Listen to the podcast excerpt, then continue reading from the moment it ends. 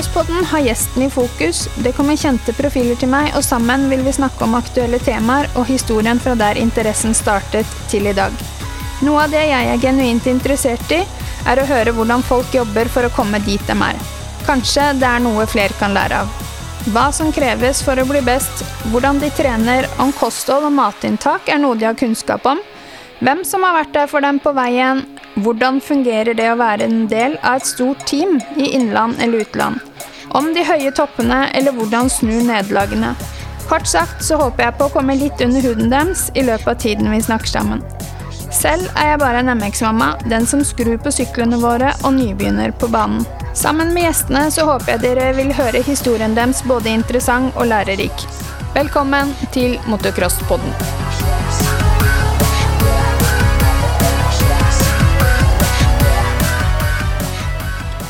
Denne episodens annonsør er Alf Grårud Motor. De er en av Norges klart største motorsykkelforhandlere og har gjennom snart 40 år levert motorsykler, crossere, deler og utstyr til hele landet. I mange år har Alf Grårud Motor gjennom sin AGM Racing-satsing støttet opp under motocrossmiljøet og tilbudt svært gode rabatter på alt fra crossere og crossutstyr til deler og dekk.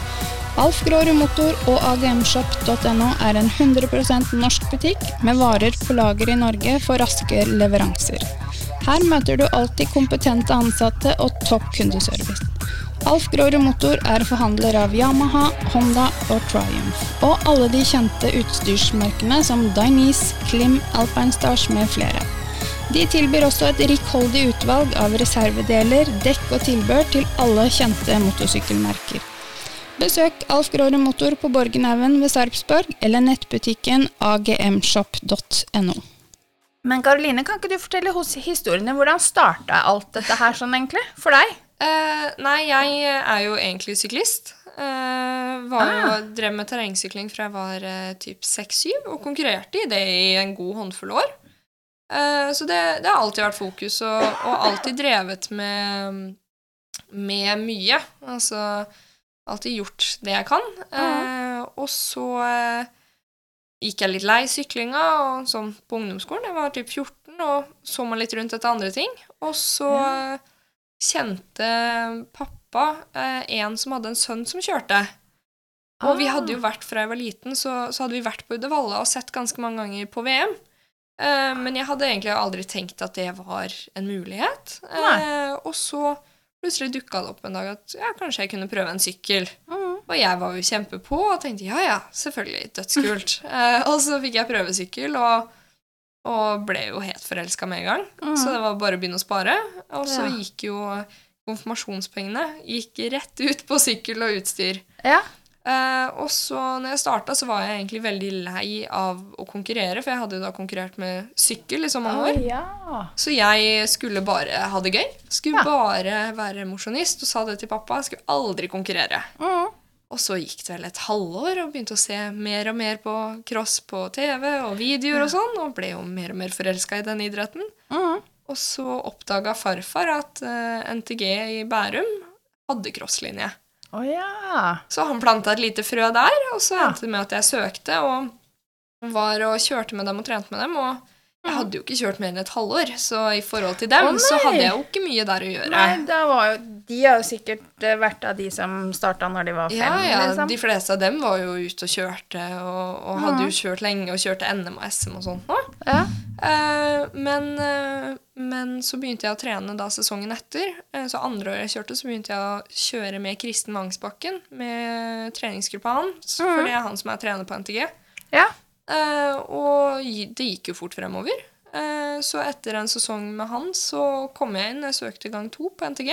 Mm. Og kom inn da til VG2, for da hadde jeg gått eh, VG1 på toppidrettslinje på uh, Dunshi i stedet.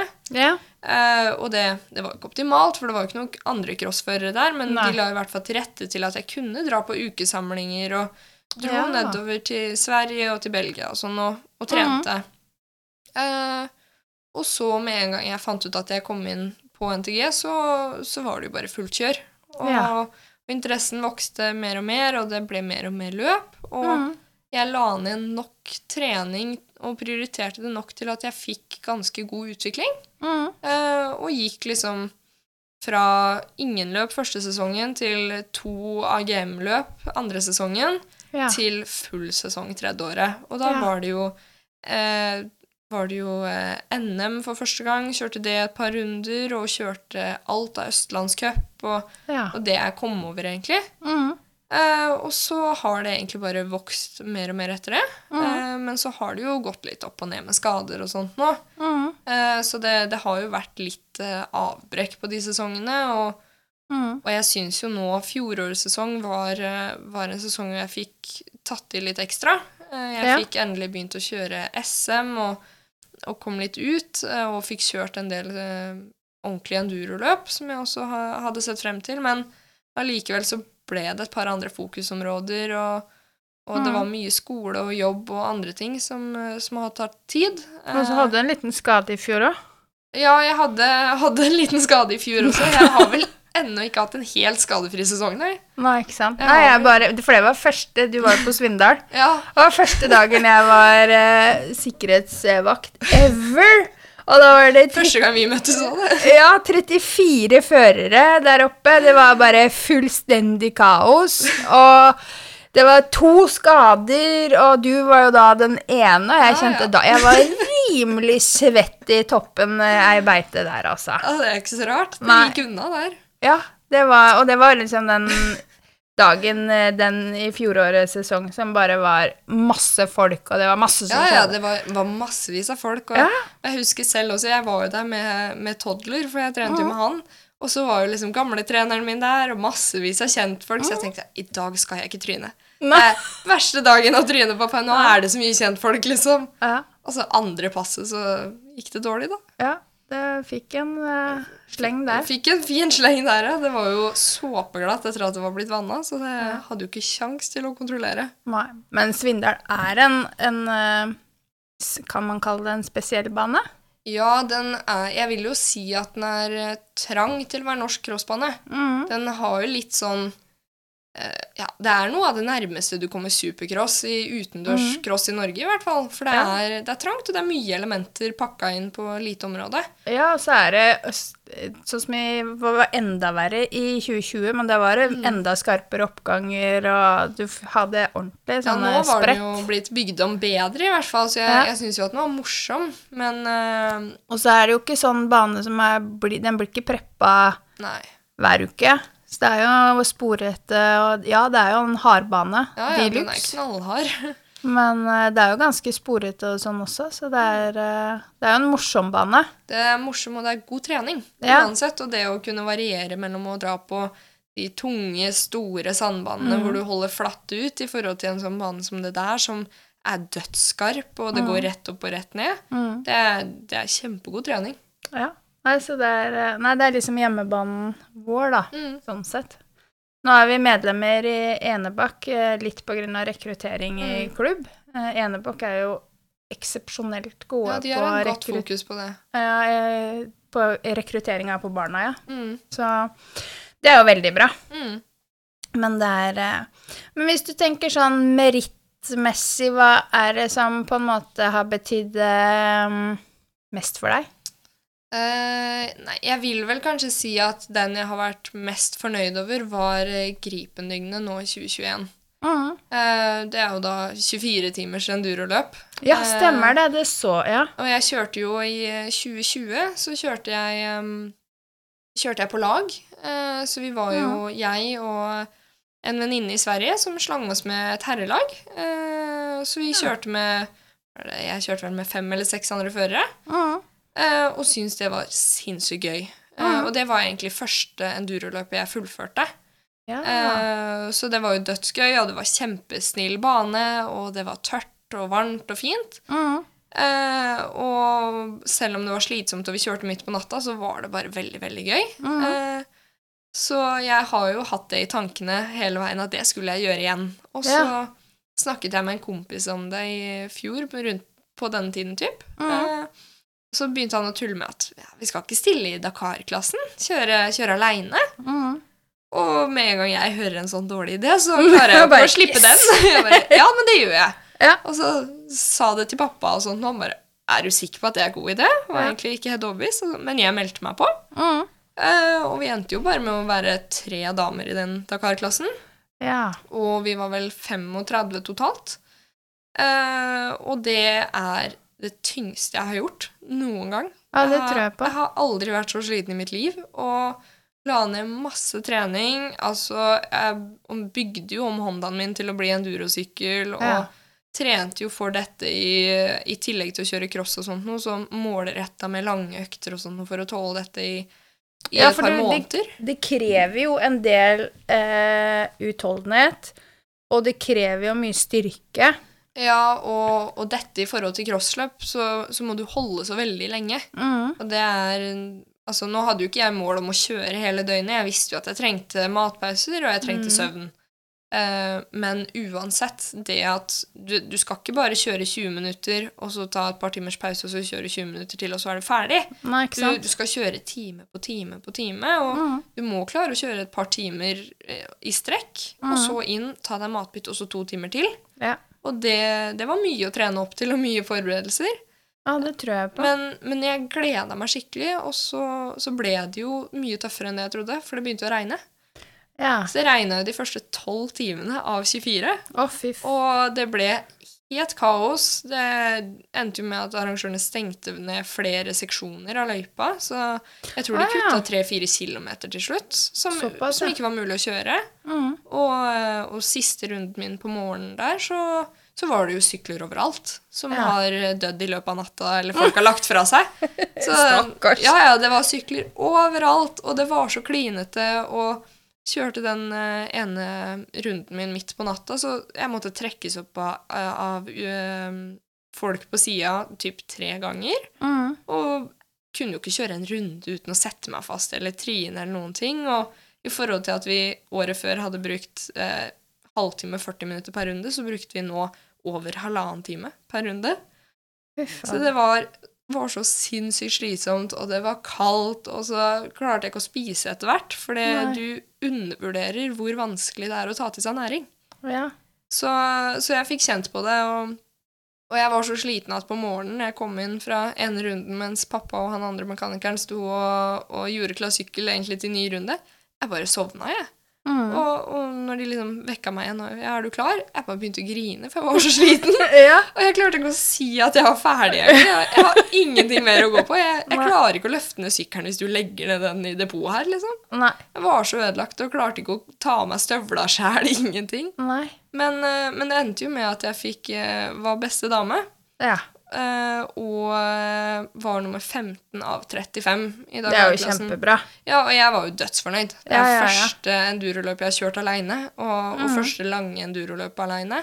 Mm. Så, så jeg var dødsfornøyd, og den, den smakte godt. Ja, det skjønner, ja, det. skjønner jeg godt. Herregud. Så, så den er nok en av de største. Og så har jeg hatt gode, gode løpsfølelser på, på sånn som NM og også SM til dels.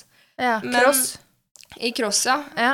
Eh, men de har ofte vært litt mentalt eh, utfordrende, så jeg syns Ja. liksom ingen av de har gitt samme gode smaken som, som sånn som Gripenøgne. Nei. Uh, Men nå så har du jo kjørt både enduro og du har kjørt motocross. Hva er det som på en måte Det det er jo stor forskjell på det Mm. her. Eh, Men hva er det som egentlig ligger hjertet nærmest?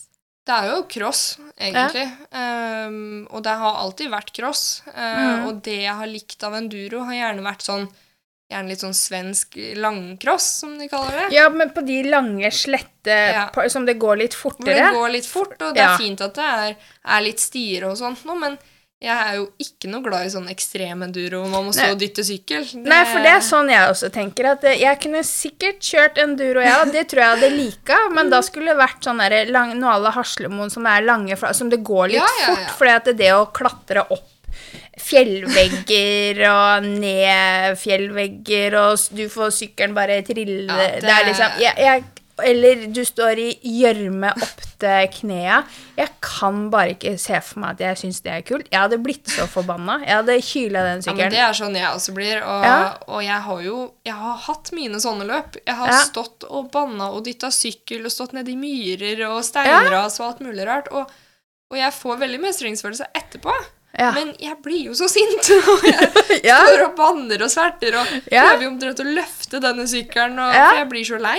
Ja, du Ja. Og jeg syns ikke det er gøy, men sånn som Haslemoen, da. Nydelig løype. ja. Hadde, vi kjørte jo løp der i høst, og, Mm. og syntes det var kjempegøy. Altså Skikkelig mestringsfølelse. Og, Mm. og sånn som jeg har kjørt et par endureløp i Sverige også, har det vært kjempegøy med lange sletter og i hvert fall Ja, litt så det- åpne stier og sånt. Da. Ja, så du slipper alle de der oppfjell og nedfjell, og Ja, det er altså, liksom Jeg er ikke trailfører, jeg har Nei. ikke den balansen. Og så, er jeg ikke kjempehøy heller, så jeg mangler et par centimeter. Kjenner jeg, sånn når jeg blir stående og dytte på stein og sånt. Ja. Så jeg, jeg syns ja, ikke det er gøy, jeg. Og, så cross generelt, der har jeg syns det er morsommere, i hvert fall. Der Ja. har du farta.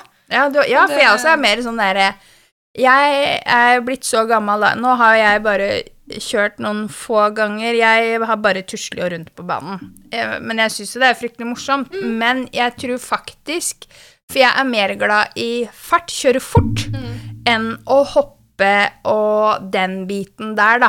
Ja, da er jo gjerne sånn, kall det rask enduro, eller litt Ja. sånn åpne stier, da. Ja. Det er, det er, så lenge du klarer å holde flyten, Ja. er det dødsgøy. Ja, jeg Å leike ja. deg over steinene og røttene og sånn, det er Ja. kjempegøy.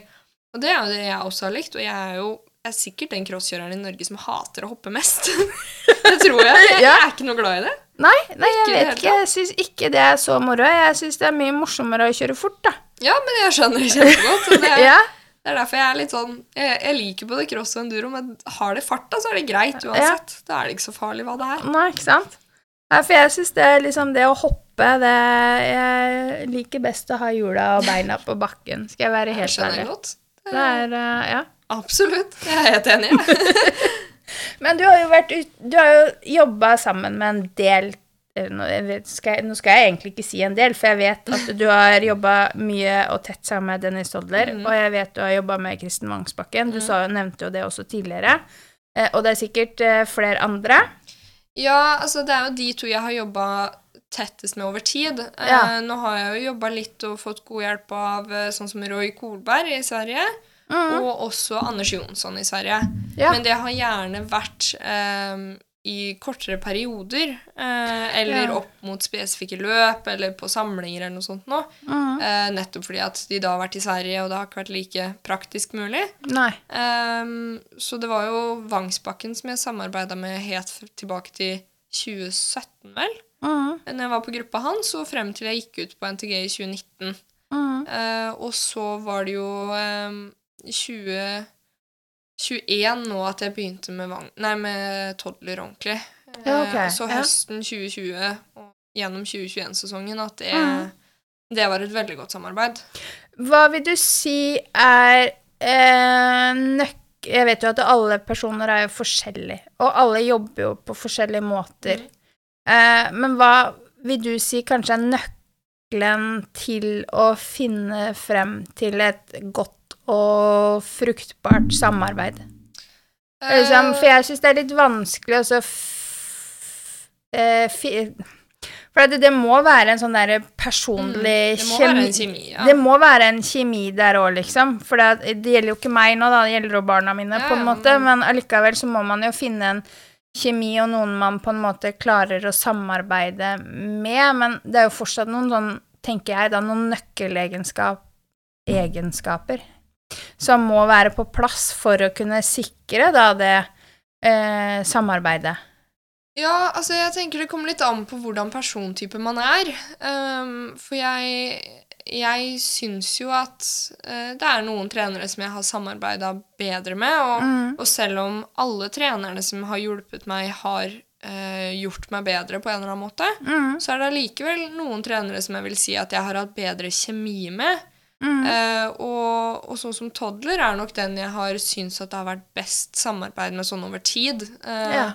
For der, der var det veldig ærlig, og han og jeg er ganske samme type person med at ehm, det er no bullshit. Det er rett fram, og, og han legger ikke skjul på ting. Han, han sier ting rett ut, men du veit hvor du har den, og du kan Mm. fint si ifra til ham at 'dette syns jeg ikke var greit', eller sånt Mm. Han, han er veldig åpen for sånn, men han er veldig god å snakke med.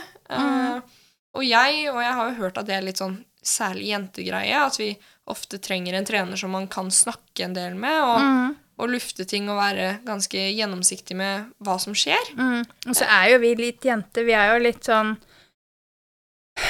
Kan kanskje være litt hårsåre, da, Ja, og i forhold til gutta. jeg syns jo ofte at i hvert fall at jeg har vært ganske Altså jeg har blitt veldig styrt av følelsene. Mm. Sånn særlig i, i treningssammenheng. Mm. At uh, kjennes det ut som at jeg har en dårlig dag, så har det ikke noe å si hva rundetiden er. Nei. Fordi da er følelsen dårlig, mm. og så blir det mentale dårlig. Og da trenger jeg en god trener som kan snakke til meg på riktig måte og klare å snu det. Og det syns jeg Toddler var god på, og han klarte å legge opp opplegg veldig ut ifra hvordan situasjonen var. Ja. Um, og han hjalp meg jo både med kjøretekniske, Mhm. men han planla jo alle øktene mine.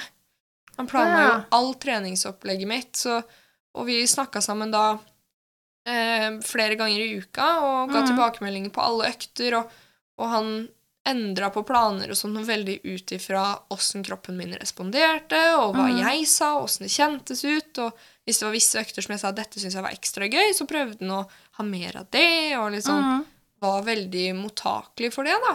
Ja. Og, og jeg syns det var veldig fint å ha en trener som var så mottakelig for tilbakemeldinger. Mhm. Eh, sånn generelt, både med, med opplegget hans overfor meg og kroppen min, men, men også øh, hvordan han øh, kommuniserte og formulerte Ja. seg og sånt, og så var han veldig åpen med det. Ja.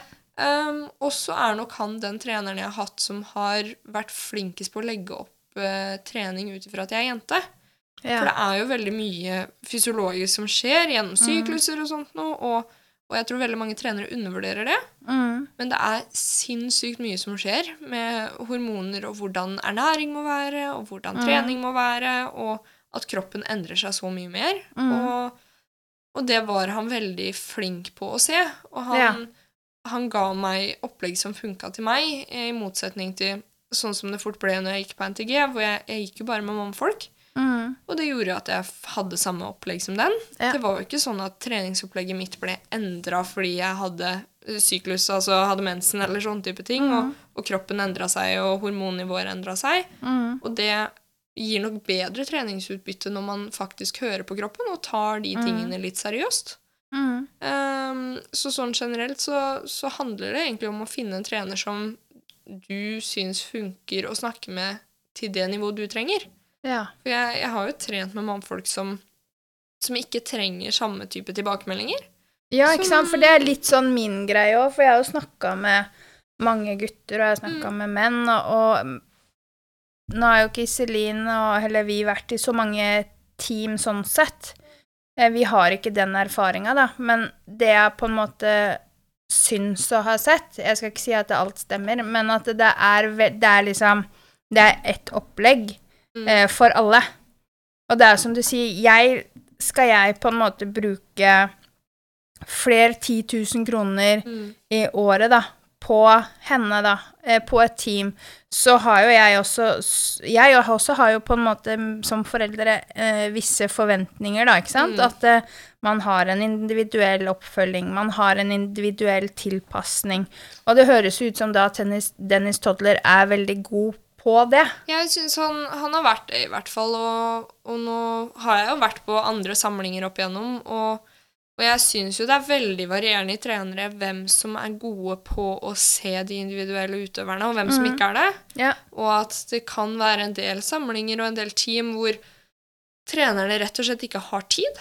Fordi de har 30 førere på en samling. Ja, for det har liksom vært sånn i dag, Nå skal vi trene på den Ja. svingen her, sånn, og så, og så får du på Det blir samme tilbakemelding til alle førerne, og så er det jo ikke alle som gjør ting likt. Noen er gode på det, noen er ikke så gode. Den, det, jeg på en måte har savna litt den derre individuelle Det blir litt kanskje sånn som du sier, at det blir for mange Det blir for mange førere. Og så, jeg vet jo, jeg, jeg er jo trener selv, og, og det er ikke alltid mulig å se alle, tre, altså alle utøvere per trening. Men, men eh, som du sier, når du skal bruke mange titusen på det, så mm, blir det fort at man har noen krav, og du har noen mm. forventninger til et visst nivå på oppfølging, i hvert fall. mm, Uh, og, og det da å finne en trener som passer til deg og til ditt uh, nivå, og til mm, eller hennes nivå, da, eh, og som også kan kommunisere på en god måte. For det,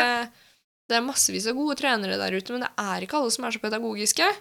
Og så Nei. er det ikke alle som behøver å ha en superpedagogisk trener. Noen er, er harde nok i huet og kaller det firkanta nok til at det går fint, og bare Ja. få en direkte tilbakemelding og så ikke noe mer. Mm. Mens jeg vet jeg trenger en trener som kan formulere seg godt og kan sette seg ned og snakke med meg. Mm. Eh, og det er jo veldig individuelt, og jeg tror nok ofte at kvinnelige utøvere trenger det mer enn Ja. en, en god del av de mannlige, i hvert fall. Mm. Ja, det er mitt inntrykk også. Ja. og Det Vi er nok kanskje ikke mer hårsåre, men vi nok vi, vi føler mer. Vi er nok mer følelsesmessig engasjerte og styrt, da. Følelsesstyrt enn det en gutt eller mann er, da. Skal ikke se bort ifra det, nei. Nei, og du sa jo det sjøl nå, at du har eh, eh, starta ditt eget team, eller som Ja. egen trener. Ja. Ja, ja nei, vi starta, jeg og Nikolai Thomassen, eh, mm. starta Mudbugs. Eh, og det er jo en eh, treningsgruppe. Det er ikke et satsingsteam. Nei, ok. Nei. Eh, for vi eh, har jo Han gikk jo på NTG, han også. Det er mm. sånn jeg kjenner han. Og har jo eh, vært medtrenere i Lier MSK, begge to. Mhm. Vært på klubbtreninger der. Og, og begynte å snakke om dette igjen, da. Og så, og så snakket vi om dette med å ha treningsgrupper, og vi syns jo at i Norge så virker det som at det er veldig enten-eller-opplegg. Eh, Mhm. med at enten så er det en samling hvor du Det koster ikke kjempemye, men du får null eh, personlig oppfølging, og det er Mhm. én helg i løpet av sesongen eller noe. Mm. Eller så er det tett oppfølging, men du må betale 20 30 40 000 eller noe. Mm. Um, og da er det gjerne ukestreninger og sånt noe. Mm. Uh, og vi um, har jo andre ting på siden, begge to. Vi Ja. har jo eh, andre prioriteringer og, og andre jobber og sånt noe, så vi ønska vel egentlig bare å ha noe eh, hvor vi kunne gi god oppfølging, for vi er veldig glad i å trene begge to, og vi, Mm. vi syns vi er ganske pedagogiske begge to. Mm. Eh, uten at det måtte være et satsingsteam hvor dette var det vi skulle gjøre. Ja. Eh, så vi la lista ganske lavt, eh, Mhm. med at eh, det er lavere priser. Vi drar litt på baner rundt om forbi. eh, og så er det liksom en torsdag ettermiddag. Ah, noen ganger er det hver uke, og noen ganger er det annenhver uke. Mm. Gjennom sesongen. Eh, ikke baneavgifter er inkludert i det de betaler oss. Ingenting. Eh, ikke helgesamlinger, ikke noe sånt noe. Og det Nei. gjør jo også at kravene fra foreldrene eh, går ganske mye ned. Ja. Eh, vi har sagt at kan vi stille opp på østlandscuprunder eller sånt, så gjør vi det. Men, Mm. men det er ikke samme forventninger som når du har en trener du jobber tett med hver dag. Nei, nei, nei. Eh, og vi er klar over at eh, de fleste på gruppa vår de skal ikke ut og kjøre EM eller VM. Nei. De, de vil bare bli litt bedre og kjøre mm. tryggere og, og få litt tilbakemeldinger og et mm. annet synspunkt. Mm. Eh, og vi ønsker å kunne gi den Altså de tilbakemeldingene og de, den riktige oppfølgingen ut ifra hver utøver sitt individuelle mål, da. Mm.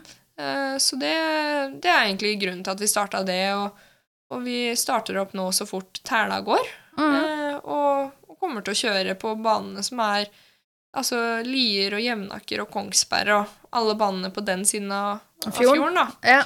Eh, så det blir jo typen mellom 15 og 20 eh, ukestreninger i løpet av sesongen. ja. Prisen for noe sånt? 5006 uh, for hele sesongen. Ja. Og det er jo uh, ikke mange hundrelappene i snitt hvis du er med på alle treningene Nei, nei, eh, nei. for to trenere. Eh, men som sagt, det er, eh, det er kun for at vi er trenere. Det er ikke, ikke baneavgifter, ingenting. Vi kommer ikke til å leie noen baner, og vi skal i utgangspunktet ikke ha helgesamlinger eller sånt noe. Nei. Men vi tror at det kan bli et veldig, et veldig fin måte å få et lite miljø for veldig mange av de som er nye. Mm. Og, og vi ønsker å synes, og vi ønsker å, å samle folk og, og, som jeg nevnte tidligere, senke lista litt på at de kan stille dumme spørsmål, og vi skal mm. hjelpe hverandre, for de fleste som er med her, er nybegynnere eller mosjonister. Ja. Så, så vi tror det kan bli en hyggelig greie, og, Mm. og både jeg og Nikolai trives veldig godt i miljøet, og syns Ja. at det er en fin måte å tilbringe tida vår på. Ja, ja, ja. Jeg tror det kan bli gøy. ja. Absolutt. Mm. Det høres jo ut som et godt alternativ til Eller egentlig en mellomting mellom ingentingen og Mm. de store teamene som på en måte går all in, da. Ja, og det er jo det vi prøvde på, at vi, det koster ikke skjorta, og det, men det er heller ikke satsingsteam. Nei. Eh, og det er veldig fint hvis vi har unge førere som en gang vil opp og fram, Mm. men foreldrene trenger ikke å satse alt når kiden er syv, liksom. Nei. Nei, og det er litt sånn som jeg, jeg har jo snakka med Espen Blikstad, og Mm. um, som han sier at eh, egentlig så, så la de kose, kjøre og Mm. kose seg fram til de er liksom 10-12 år. Og når du på en måte, hvis de da ønsker å satse, så det er liksom fra du er 12-13 år at Ja. pengene burde bli satt inn fra du er 5 til du er ja, 10-12, da. Så er, la de kjøre og kose seg Ja. uten de store kravene og, og, sånne ting, da. Ja, og det er jeg veldig enig i, at det viktigste her er jo uansett at føreren skal ha det gøy. Mm. Altså, det er jo derfor man driver med det, og, Mm. og jeg syns det er veldig synd når jeg ser førere hvor foreldrene ofte mener godt og bare mener å legge til rette, men, Mm. men så blir det satsing fra veldig ung alder, og Ja. så innen de er 14-15, så er de lei.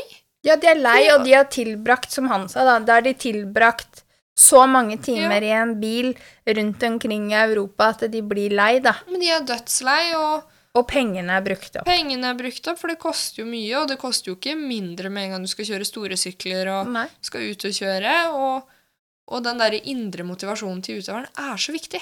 Det er gull verdt, og, og det har jeg kjent selv også, at når den er på plass, da får du til masse, men om Mm. den ikke er der, så har det ingenting å si hvor mye mammaer eller pappaer eller trenere står rundt, heier for det. det, har ingenting å si, og, og jeg har kjent nok førere selv som, som begynte når de var fem-seks, og har tatt de gått ut for hardt, da, kall det. Mm. Og, og innen de da nærmer seg 20-åra eller slutten av tenåra, så, så er de lei. Da har du det- allikevel mista de, da. Ja, og det er jo veldig synd. Mm. Og- Og det er kanskje de åra man kanskje trenger det mest, Ja, jeg, faktisk. Jeg vil nok I hvert fall fra 13 til 20. Det er, det er viktig år sånn sett. Og, Ja. og jeg har jo prioritert i den tida idretten hele veien, og jeg angrer jo ikke på det et sekund. Nei. Og jeg skjønner at det er mange som Jeg ser jo det at veldig mange av de som har starta for tidlig, og i hvert fall starta hardt for tidlig, Mm. med en gang de kommer og blir tenåringer, og så får de kanskje litt andre fokusområder og sånt, og så, så forsvinner det mer og mer. Og Mm. Ja. så, og så syns jo jeg selv at eh, det har vært mye god kvalitetstid eh, med pappa, blant annet, og, Ja. og dratt på løp Dere får jo et unikt eh, samhold, og det er det jeg liksom For det er ikke så mange andre enn cross-familier som tilbringer så mye tid sammen, da. Nei, nei, og Eh. altså jeg og pappa Nå har det jo hovedsakelig vært han som har vært med. Mm. Og det er jo ingen personer jeg har tilbrakt så mye tid med i hele mitt liv. Og, og vi har jo Jeg har jo bodd med han i perioder bare på grunn av det. Og vi har dratt Europa rundt og kjørt, Mm. og, og så mange timer vi har stått på banen sammen. Og Mm. han er eneste som alltid skjønner hvordan humør jeg er i når han ser meg kjøre. Ja. Han kan se og se 'Å, nå er hun sur. Nå er hun en dårlig dag. Nå er det sånn. Mm. Nå er det sånn.' Fordi han har sett meg så mange timer, og Mm. han vet hvordan jeg funker mentalt på banen, og Mm. han vet akkurat hva jeg kan og ikke kan, og, Mm. og vi har blitt så tett av det, da. Mm. Og når jeg hører venner som ikke har drevet med idrett, og hvilke forhold de har til foreldrene sine, så, så syns jeg nesten litt synd på dem. Fordi, Ja, faktisk. ja, fordi vi har blitt så close. Mm. Eh, fordi vi har reist så mye sammen og tilbrakt så mange timer sammen.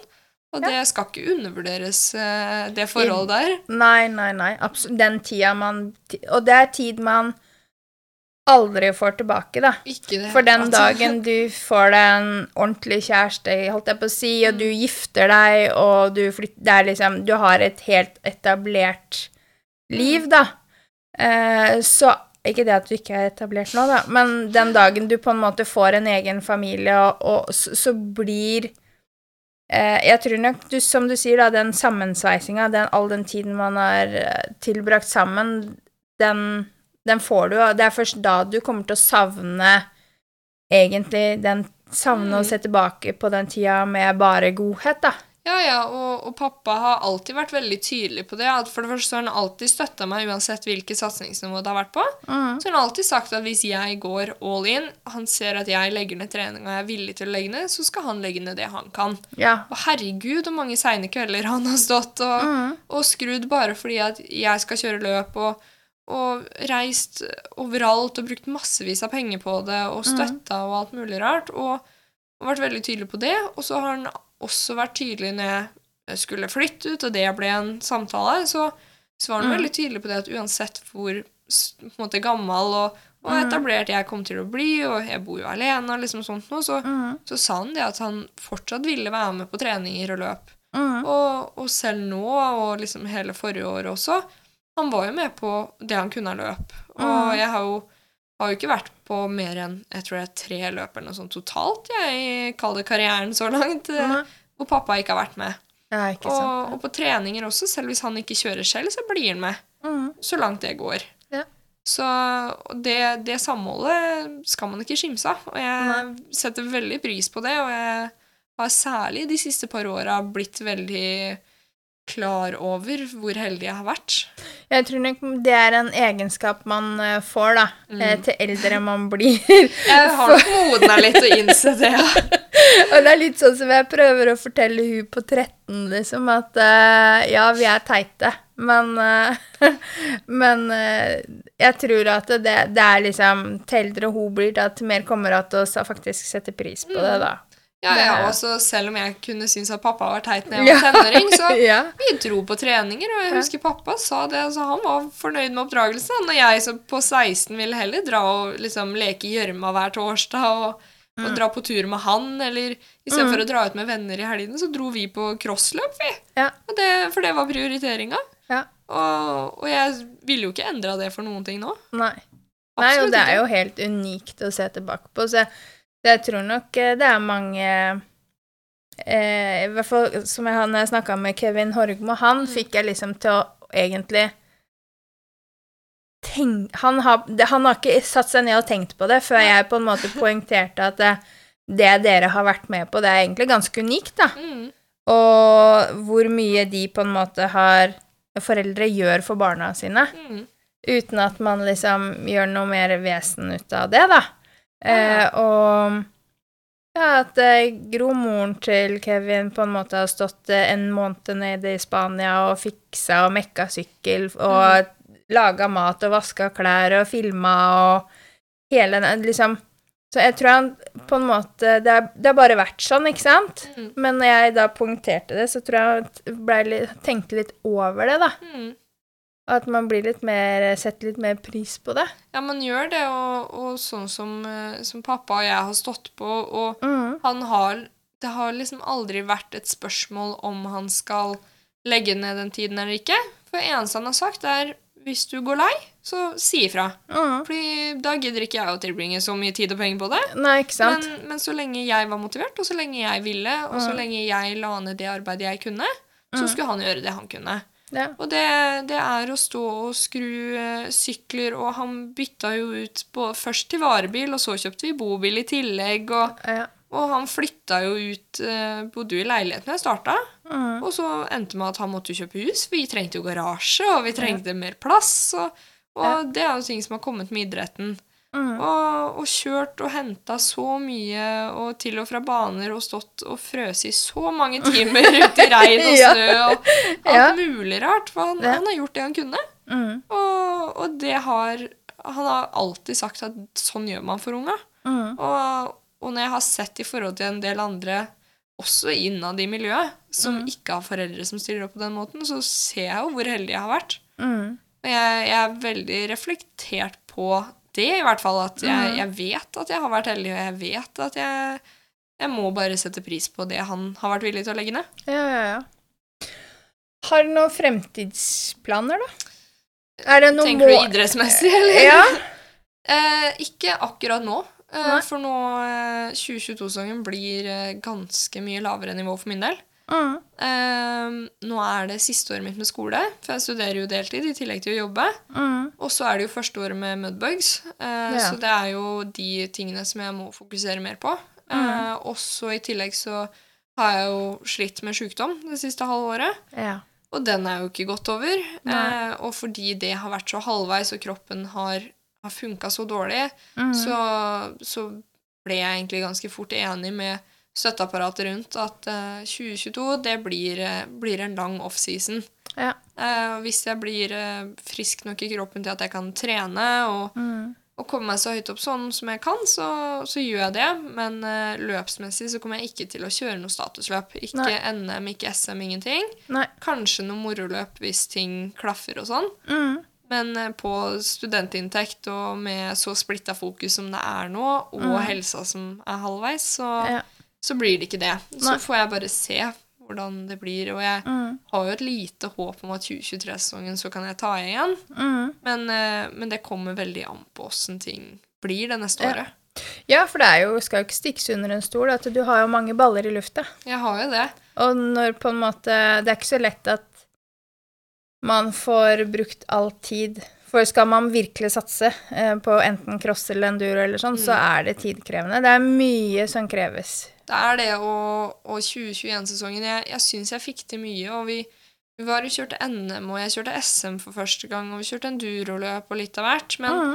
Men jeg Det var mye stress, og, Ja. og særlig mot slutten av sesongen så kjentes det veldig halvhjerta ut, fordi jeg Ja. fikk ikke lagt ned så mye tid i trening som jeg ville. Nei. Fordi at jeg måtte jobbe på skole, og så måtte jeg jobbe, for jeg måtte tjene penger, og kjøpte Mm. meg leilighet, så plutselig var jo økonomien en annen også. Mm. Og det var litt sånn Uansett hva jeg gjorde, så følte jeg at jeg burde gjort noe annet. Ja. hver gang jeg brukte tid på skole, så følte jeg at å, nå skulle jeg trent. Nå Ja. skulle jeg skrudd sykkel. Ja. Og motsatt også når jeg prioriterte trening. Og Mm. det gjorde jo at jeg møtte på både NM og SM og sånt noe med egentlig en følelse av at jeg var veldig dårlig forberedt.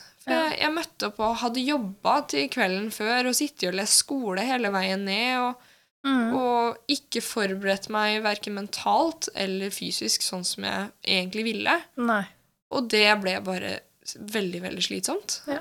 Um, og da, etter den siste SM-runden, så, så kjente jeg det at jeg, jeg klarer ikke det en sesong til uten å gå på veggen. Nei.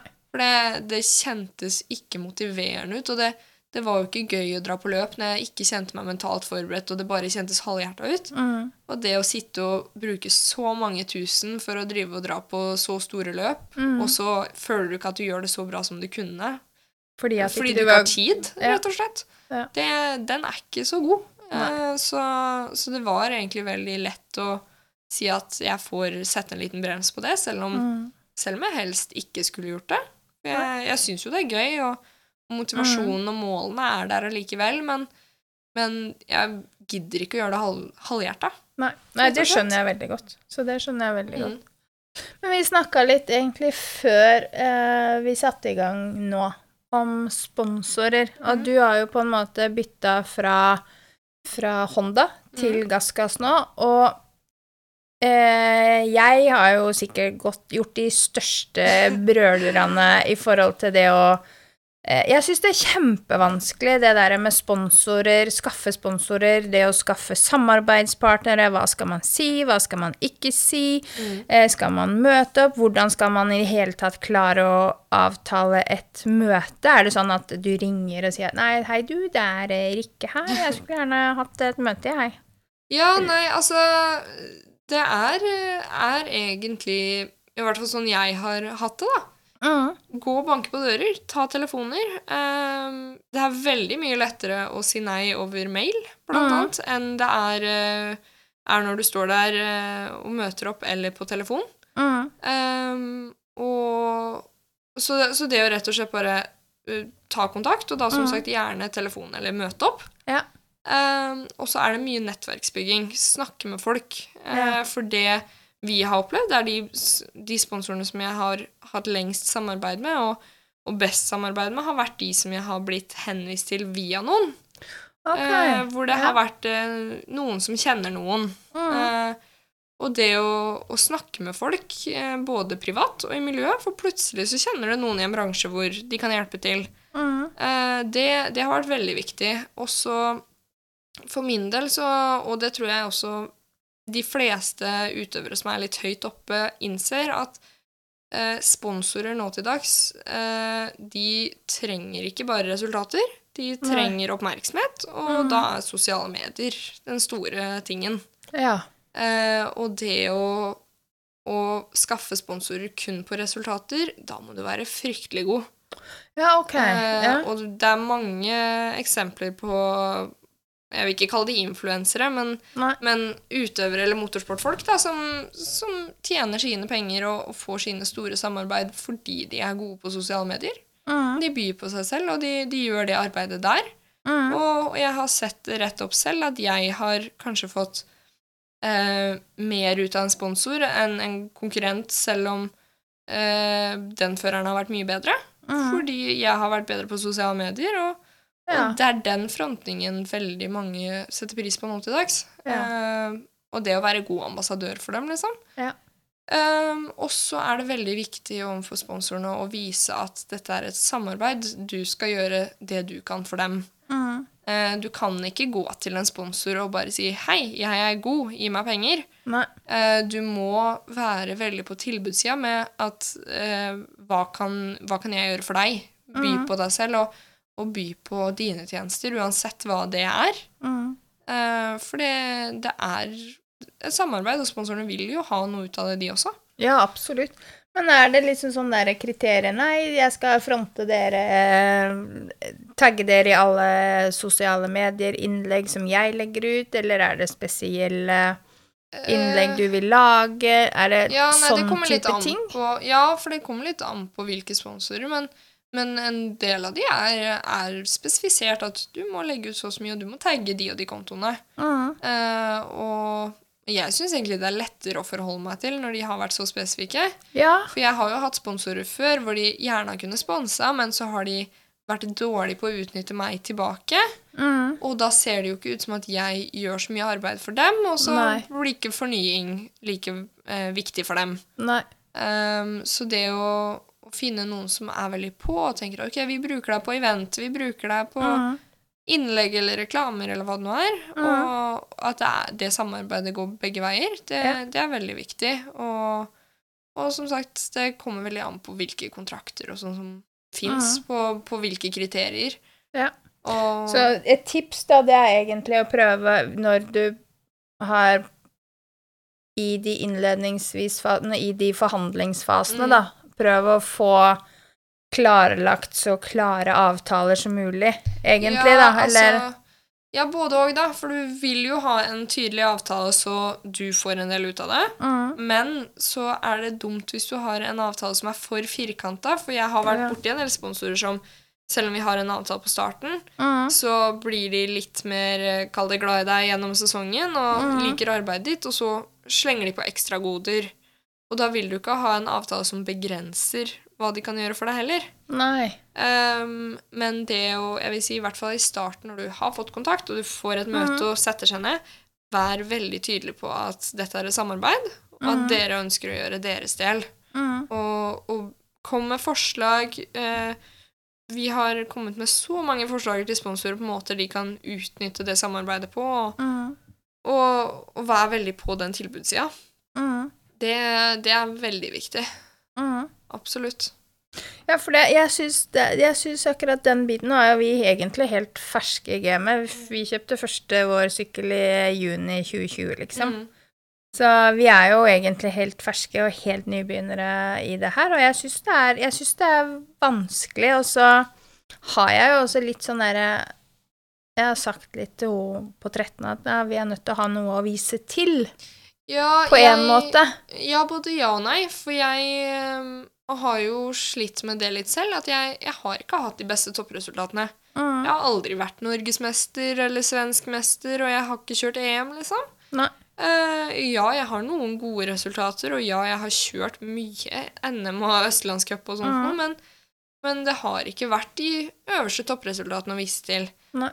Um, og det er derfor jeg, særlig nå da, når jeg ikke skal ha uh, løpssesong i det hele tatt, Mm. vært veldig åpen med de sponsorene som jeg nå har enten allerede har landa samarbeid med, eller som jeg fortsatt har kontakt med, Mm. på at det er ikke der fokuset kan være. Um, og de sponsorene som jeg nå syns at jeg har best samarbeid med opp mot sesongen, er de som er veldig tydelige på det at vi bryr oss egentlig ikke om resultatene dine. Nei. For de selger ikke noe mer eller tjener noe mer på at jeg blir norgesmester. Nei. Men de tjener på at eh, de blir fronta, at de Ja. syns.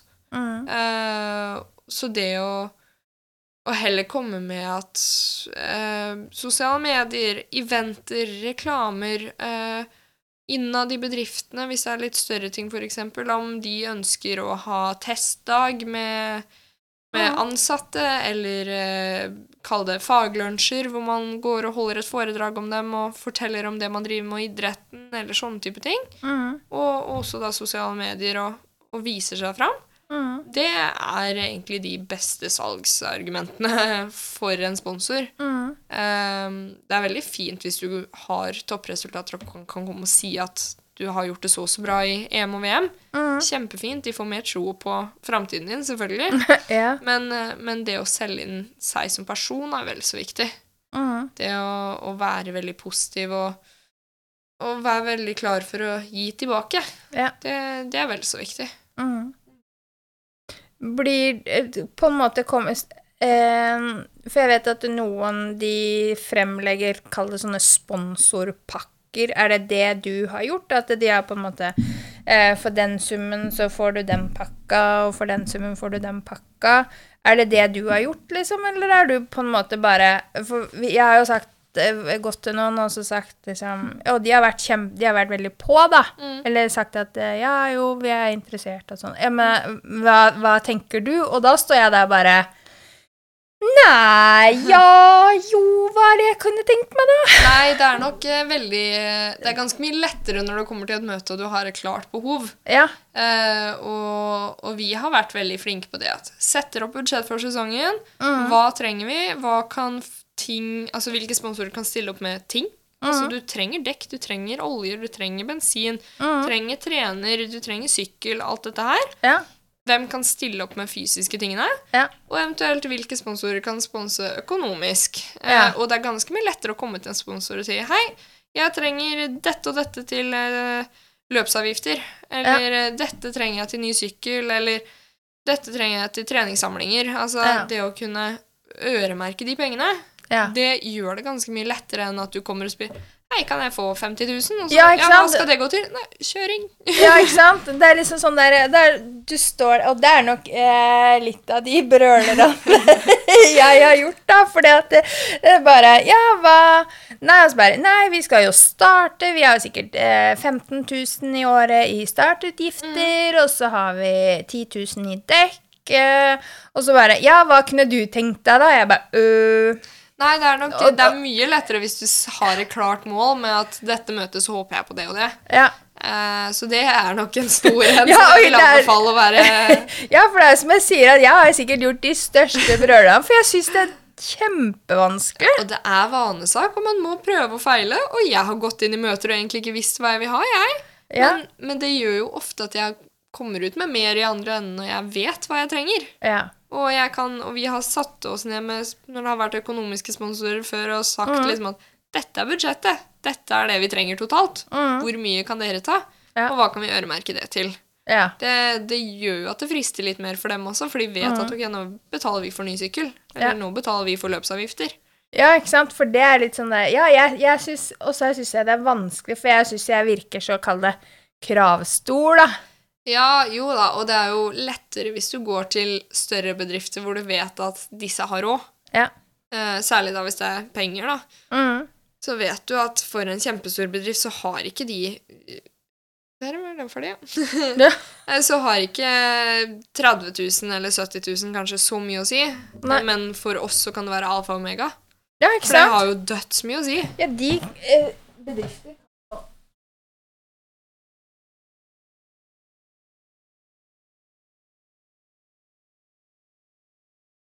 Snuen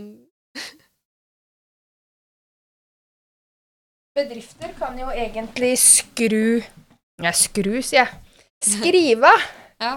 eh, en del av sånne sponsorutgifter. Ja, ja, de kan jo det, og det har jo ikke så mye å si for dem. Men Nei. for oss så kan det være kjempemye. Altså, dette er jo en dyr idrett. Vi tar jo det vi kan få, på en måte. Det, ja, men man gjør jo det. Ja. Altså, I hvert fall det er litt annerledes når du er toppfører i VM. Ja. Da tar du ikke kanskje de 30 000, men, men for oss så kan jo det være sinnssykt mye verdt. Mm. For det, det er det som kan gjøre at du kanskje får kjørt løp og ikke og, Ja. og jeg har jo syntes det har vært kjipt sånn eh, mot slutten av sesongen når vi har sittet og telt over ok, hvilke løp har vi råd til å kjøre. Ja. For vi er litt der nå, liksom, at uh, vi hadde planer om å kjøre både Østlandscup og NM på Iselin, og så Østlandscupen for Ludvig. Han er jo bare ni, så han får jo bare kjørt den. Ja. Uh, og så kjøre en del løp i Sverige, og så ser man på samfunnet og samfunnets priser nå til dags, både med dieselpriser og bensinpriser, strømpriser, matpriser, rentehevinger, hele den totale pakka, da, så ok, ja, vi må kanskje snurpe inn litt på hvor mange løp vi faktisk har penger til, da. ja, det er liksom det, og man har ikke råd til å kjøpe alt nytt hele tiden, og du trenger utstyr, og du trenger ditt og datt og deler, og Mm. det koster mye. Og Ja. det, det blir faktisk mye totalt, og det har vi sett når vi har drevet og, og kjørt særlig da litt større løp, og kjørt i Sverige og sånn, at det koster en del. Og, og det gjør at vi kan ikke drive og dra ned til Belgia og Nederland og kjøre hele tiden, og Nei. kan ikke kjøre alle løp, for det, det har man ikke råd til. Nei, det er noe med det, da. Så, så det er absolutt uh, veldig viktig hva man får inn av sponsorer. Eh, men det jeg også syns har vært viktig, har vært å finne sponsorer som har noenlunde samme verdier og på en måte ser meg som person. Ja. Uh, for det er veldig enkelt å finne en stor bedrift hvor ja, ja, 50 000 for dem, ingenting, ikke sant? Og så skriver de av det, og så kan det være kjempemye verdt for deg, Mm. men du er egentlig ikke så viktig for dem heller. Nei. Uh, og de har ofte da mer resultatpress med at Ja. du må kunne komme opp med resultater fordi vi betaler. Mm. Uh, mens jeg syns jeg har hatt gode sponsorer som har stått der selv når jeg har vært skada. Mm. Ligget på sjukehuset og sagt til dem at jeg får ikke kjørt denne sesongen. Nei. Og så har de sagt det er greit, vi, vi støtter deg uansett. Og, Mhm. og shit happens. Altså, dette er en skummel idrett. Mye kan skje. Mm. Og skader skjer, og sykdom og sånt noe. Og, og det at de da kan støtte deg uansett, fordi Ja. de ser deg som person og ønsker å få til noe sammen, Mm. det, det er et samarbeid man ikke skal skimse av. Nei, det er noe med det det. er viktig, det, altså. Ja. Mm. Hm. ja. Nei, jeg ser jo det at jeg har en eh, jobb og en by, en bit å gå der, for å si det sånn. Men jeg syns jo det er veldig Jeg syns jo det er moro, og det er jo Men jeg vet jo også at uh, man er jo avhengig av den støtten hvis man Hvis man har og Jeg sier jo til Iselin, da, sånn som jeg, faren din sier til deg, at uh, hvis, du, hvis, jeg, hvis vi ser at du legger ned det som kreves, da, Mm. og du sier at jeg har lyst til å satse, ok, ja, da skal vi gjøre så godt vi kan for å tilrettelegge. Mm. Ehm, og det er jo noe med det at uh, hvis hun virkelig da setter alle kluter til, da, så kreves det jo penger, Det gjør jo det. ikke sant? Og da er man kanskje avhengig av i det lange løp, kanskje en sesong eller to, kan man drifte alt sjøl. Men, det, men- man kan ikke det over lang tid. i over lang, lang tid. Og det er litt også da at starter man for tidlig, så er penga brukt opp, da. Når man Ja. i de viktige åra, som man kanskje kommer sånn 15, 16 og 17, da. Så man virkelig trenger å sette alle kluter til med både trenere og sykler og utstyr og turer hit og dit. Ja, ja, Og, og, altså Det er jo ikke gratis å drive med selv hvis man bare kjører Østlandscup på NM. Det er ikke gratis, det heller. Det er, det er mye løpshelger, og det er eh, løpsavgifter, og så skal du gjerne trene en god håndfull ganger i uka, og det Mm. koster sitt, og så er det mye vedlikehold av sykler, mye deler, mye Mm. utstyr. Ja. Eh, så, og så skal du gjerne kjøre langt hvis du kjører NM og sånt, og det kan Mm. jo fort være Molde eller Stavanger, det. ja, nå i år har vi jo vært heldige, for nå er jo, jo- speedcrossen er jo på Flittig utafor Skien, og så har du jo eh, Lunder på NM. Mm, Og så har du Nord-Odal på lag-NM. mm.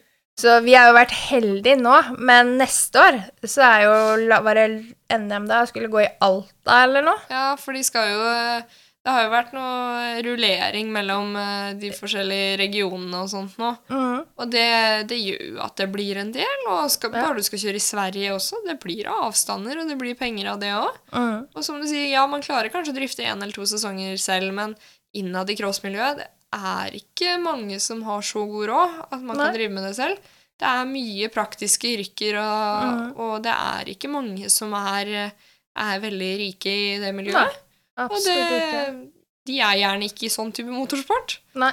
Så det, det å finne sponsorer som kan hjelpe til, og som er god støtte, det er viktig, det også. Mm. Og, og det er veldig bra å kunne finne noen tidlig som man kan bygge et samarbeid med. Ja. Um, for da, da ser de hvor mye som legges ned også. Ja. Og de ser at dette går fremover, og de ser at du utvikler deg som fører. Mm. Og det, det liker de fleste sponsorer å se. Ja, absolutt. Mm. Så absolutt. Ja, nei, så jeg syns den biten der er litt vanskelig. Jeg har, jeg har en vei å gå der.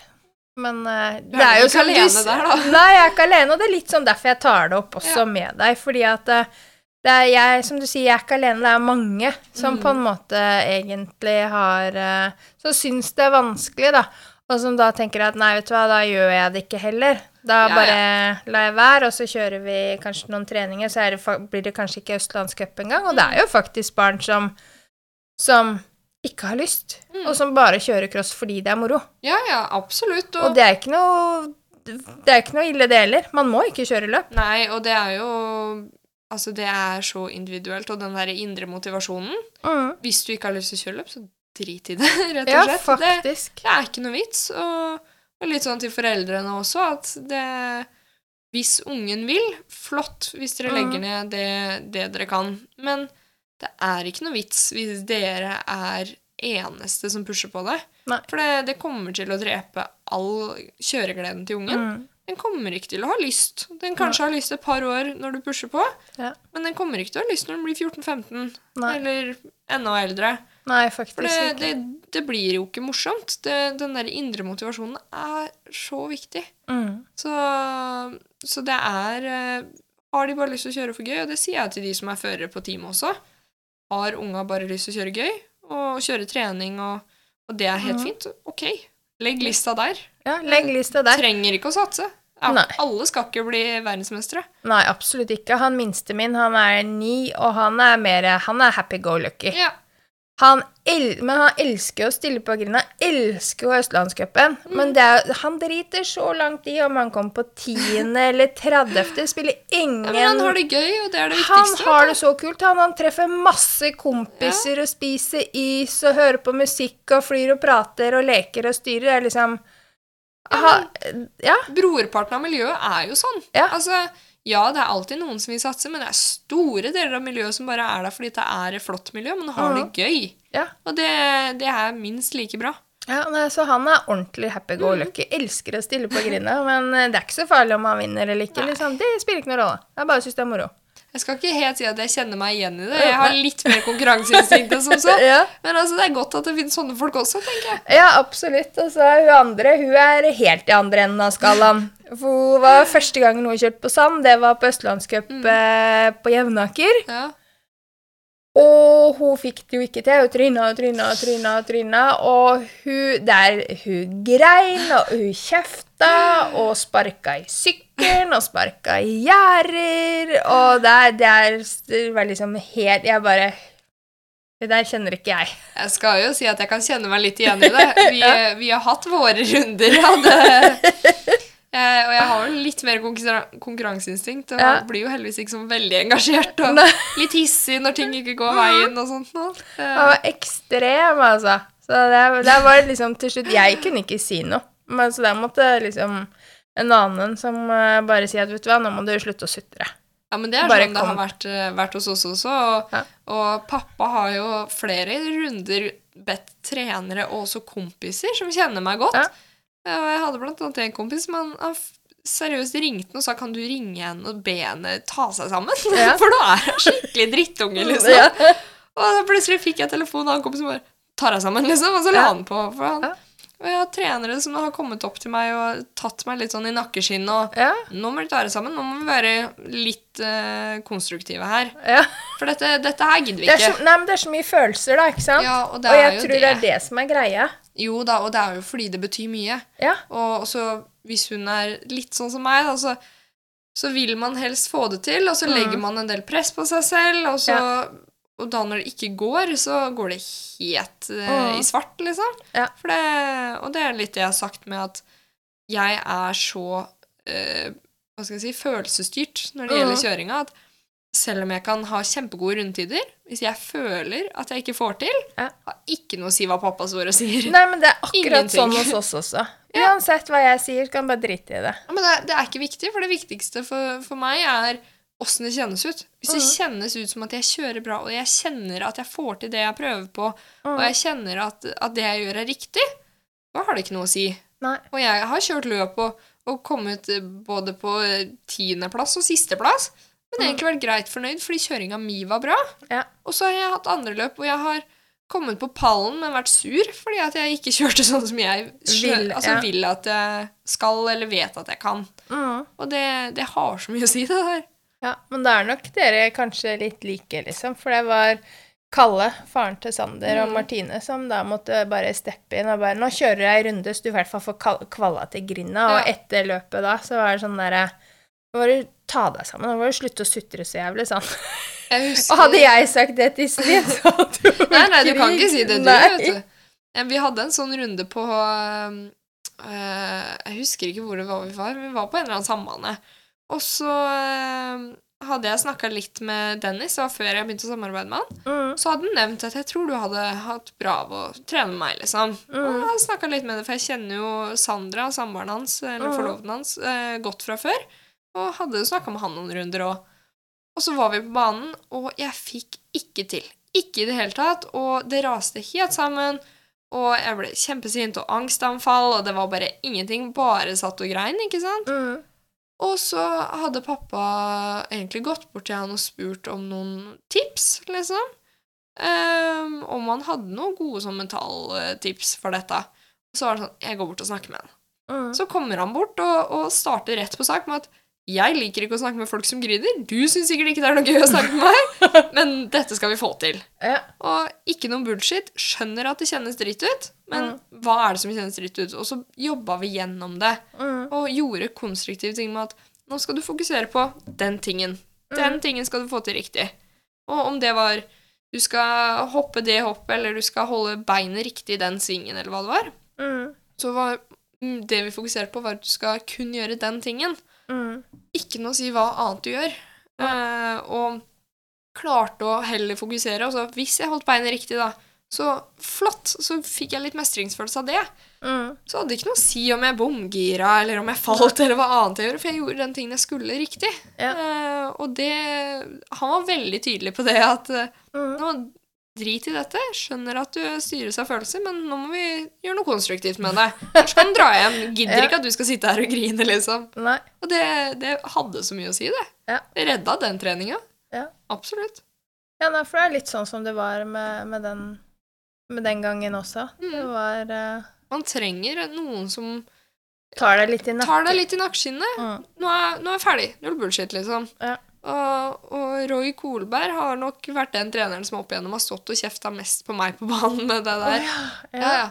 Han og jeg har hatt så mye sånne sinnarunder, og, og det høres kjempebrutalt ut fra utsida at vi mm. står og kjefter på hverandre, men jeg veit akkurat hvor jeg har den, og han mm. vet akkurat hvor han har meg. Ja. Og han kjenner meg så godt at han veit at når jeg er sur, da må du ta i, liksom, når du skal snakke med meg. Mm. Han har tatt tak i hjelmen og liksom omtrent stappa huet sitt inn og bare 'Nå må du, ja. nå må du skjerpe deg', liksom. Og, men han veit at jeg er sta, og det går alltid til slutt. Og vi Ja. har fått jobba gjennom masse, og han har pusha meg masse og sånt noe, men, men eh, jeg trenger noen som tar litt sånn tak i meg, og det kan Mm. ikke være pappa. For da Nei. hører jeg ikke på det.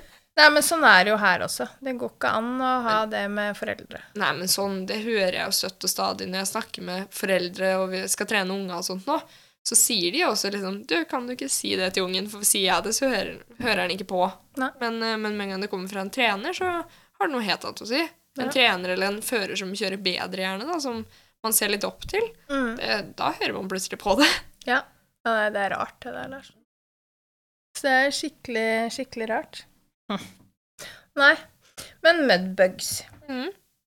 er det egen Instagram-konto, eller er det Ikke ennå, men det skal komme. Det skal komme. Så det foreløpig så er det bare Altså jeg og han Nikolai som har våre private Instagrammer. Mm. eh, og Facebooker for den saks skyld. Og, og så har vi jo en privat Facebook-gruppe for de som er med, eh, hvor detaljer til dem kommer. Ja. Og så, så blir det en egen Insta. Ja. Eh, Sånn at vi får, eh, får noe å tagge og et eget sted å legge ut bilder. Mm. Mm. For det kan jo være interessant for uh, noen som hører på. Og da det. kan det jo være greit å, at man, hvor man vite hvor man finner dere. Ja, det er jo enten da på Altså kan du kontakte meg, da. På enten Facebook eller Instagram. Karoline Pettersen. Karoline Pettersen. Også MX Karol Karo. Ja, MX-Karo understrek 13 heter jeg vel på Instagram. Ja. Så, så blir det fort lagt ut i noen bioer og noe sånt noe med Mudbugs også, ja. Ja, så bra. Det det er ennå plasser, og vi er veldig åpne for at, at er det plasser når sesongen begynner, så kan folk bli med når de vil. Mm. Det, så lenge det er åpent, så, Ja. så er det muligheter for alle. Og vi håper jo at dette blir noe som ikke bare varer én sesong. Absolutt. Vi satser jo på at eh, det blir flere sesonger med dette. Mm. Ja, og det er jo kjempe Det, det trengs et alternativ eh, flere steder for de som kanskje ikke vil satse, men som vil litt mer enn bare å eh, kjenne seg frem selv, da. Ja, det er det vi tenker, og, og vi har snakka med en del av foreldrene som syns dette er et veldig godt alternativ, sånn at de har eh, en mulighet til å få trent med trenere og få testa litt, Ja. uten at de må spytte inn kjempemange tusen. Mm. Eh, og at dette her kan bli et sånn mellomstadie hvor kanskje føreren får bestemt seg vil de satse, vil de ikke, Mm. og, og får testa uten at de må investere alt eh, den sesongen, i hvert fall. Ja, ja, Så, ja. så jeg, jeg er ganske fornøyd med at vi har, har Mm. klart å lage et såpass billig og, og godt alternativ, da. Og, Mm. og det er stort fokus eh, mellom meg og Nikolai på at vi må prøve å se hver enkelt utøver. Og, Mm. Og det eneste kravet vi har, er jo at eh, alle førerne kan kjøre på stor bane.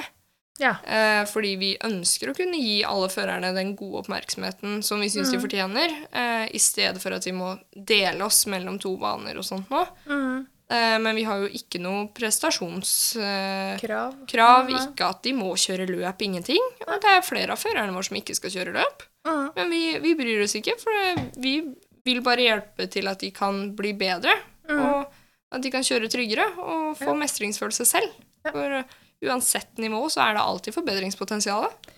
Uansett. Så det er uansett. Om du Mm. heter Kevin Horgmo eller eh, whatever. Ja, ja, absolutt. Så, så absolutt. Nei, men da bare oppfordrer jeg, eh, hvis dere tilhører Lier og den siden, så Mm, join Mudbugs. gjerne. Ja. så det. Tusen hjertelig takk for at du kom, Karoline. Takk for at jeg fikk være med.